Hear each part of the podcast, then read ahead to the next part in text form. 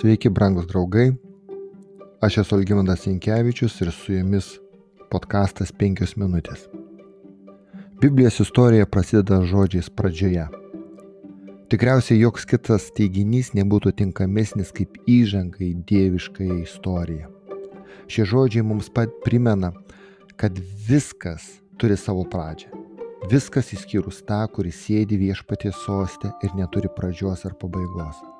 Šiuose pirmosiuose šventojo rašto žodžiuose matome ryškų kontrastą tarp visko, kas žmogiška, laikina ir ribota, ir to, kas yra dieviška, amžina ir begalinė.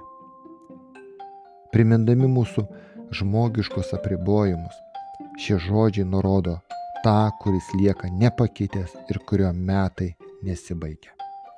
Nuo pirmųjų žodžių mes supažindinami su visagaliu amžinoju Dievu, su jo asmenybė, valia ir tikslu. Dievas, kuris visų pirma įgyvendino savo valią ir sukūrė dangų ir žemę. Laiškė hebrajams rašoma, pirmame skyriuje. Iš pradžių tu viešpatė padėjai pamatus žemė ir dangus, tavo rankų darbas, jie išnyks, o tu pasiliksi, jie visi sudils lyg drabužis ir kaip apsiausto tu juos suviniosi tartum drabužį. Ir jie bus pakeisti, bet tu esi tas pats, ir tavo metai nesibaigs. Pradžioje Dievas sukūrė dangų ir žemę. Hebrajų kalbos žodis bara yra išverstas kaip sukurtas ir vartojamas tik Dievo, o ne žmonių veiklai apibūdinti. Dievas sukūrė vėją, Amoso knyga ketvirtas skyrius, tyra širdį žmoguje, psalmi 50 ir naują dangų ir naują žemę, Izaijo 65 skyrius. Žodis kurti skiriasi nuo kitų veiklai išreiškiančių žodžių, tokių kaip daryti, ar gaminti, nes kūryba reiškia pirminės materijos nebuvimą. Patys pirmieji Biblijos žodžiai rodo, kad visa, kas yra aplink mus, ir mes patys nešiuojame paties Dievo poilgio anspaudą. Būtent jam mes esame skolingi už savo gyvenimą, savo egzistavimą. Dievui, Dievas panaudoja šešias dienas, kad sukurtų mūsų pasaulį. Šviesa atsiranda pirmą dieną, Dievas atskyrė šviesą nuo tamsos, vadindama šviesą diena ir tamsą naktimi. Antrą dieną Dievas atskyrė vandenį nuo dangaus, tai yra atmosferos. Trečią dieną iš po vandens pasirodė sausa žemė ir išaugino augalus. Ketvirtą dieną pasirodė saulė, mėnulis ir žvaigždės. Penktą dieną pasirodė paukščiai ir žuvis. O tik šeštą dieną, kai visa žemė buvo pasirengusi, buvo sukurti sausumos gyvūnai ir žmogus. Kūrybos aprašyme pastebime ryšį tarp pirmųjų trijų kūrybinės savaitės dienų ir kitų trijų dienų.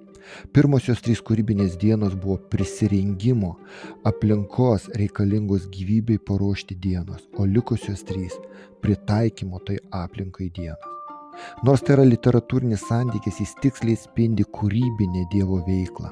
Savo kūrinį jis sukūrė tokia tvarka ir tokiu būdu Atsižvelgiant į jo visą galybę, viskas galėjo būti sukurta per vieną dieną ar net per vieną sekundę, tačiau Dievas nusprendė veikti nuosekliai, pereidamas nuo vieno kūrybinio veiksmo prie kito ir vienodai apibūdindamas juos taip, kad apie šios įvykius sužinotume iš Biblijos apreiškimo. Taigi tvarkingas kūrybinių veiksmų atskleidimas šiomis kūrybos dienomis, jų at, tos kūrybos atsiskleidimas tapo Dievo meilės ir rūpešio jo kūrinių demonstravimu. Pirmiausia, jis sukūrė mūsų pasaulį, atkreipdamas dėmesį tai, kad jis yra geras ir tada užpildė jį nuostabiais kūriniais. Toks pat Dievo požiūris yra ir dėl naujojo dangaus ir naujosios žemės. Išgelbėtas žmogus ateis į šį naują pasaulį, kai viskas, viskas bus paruošta.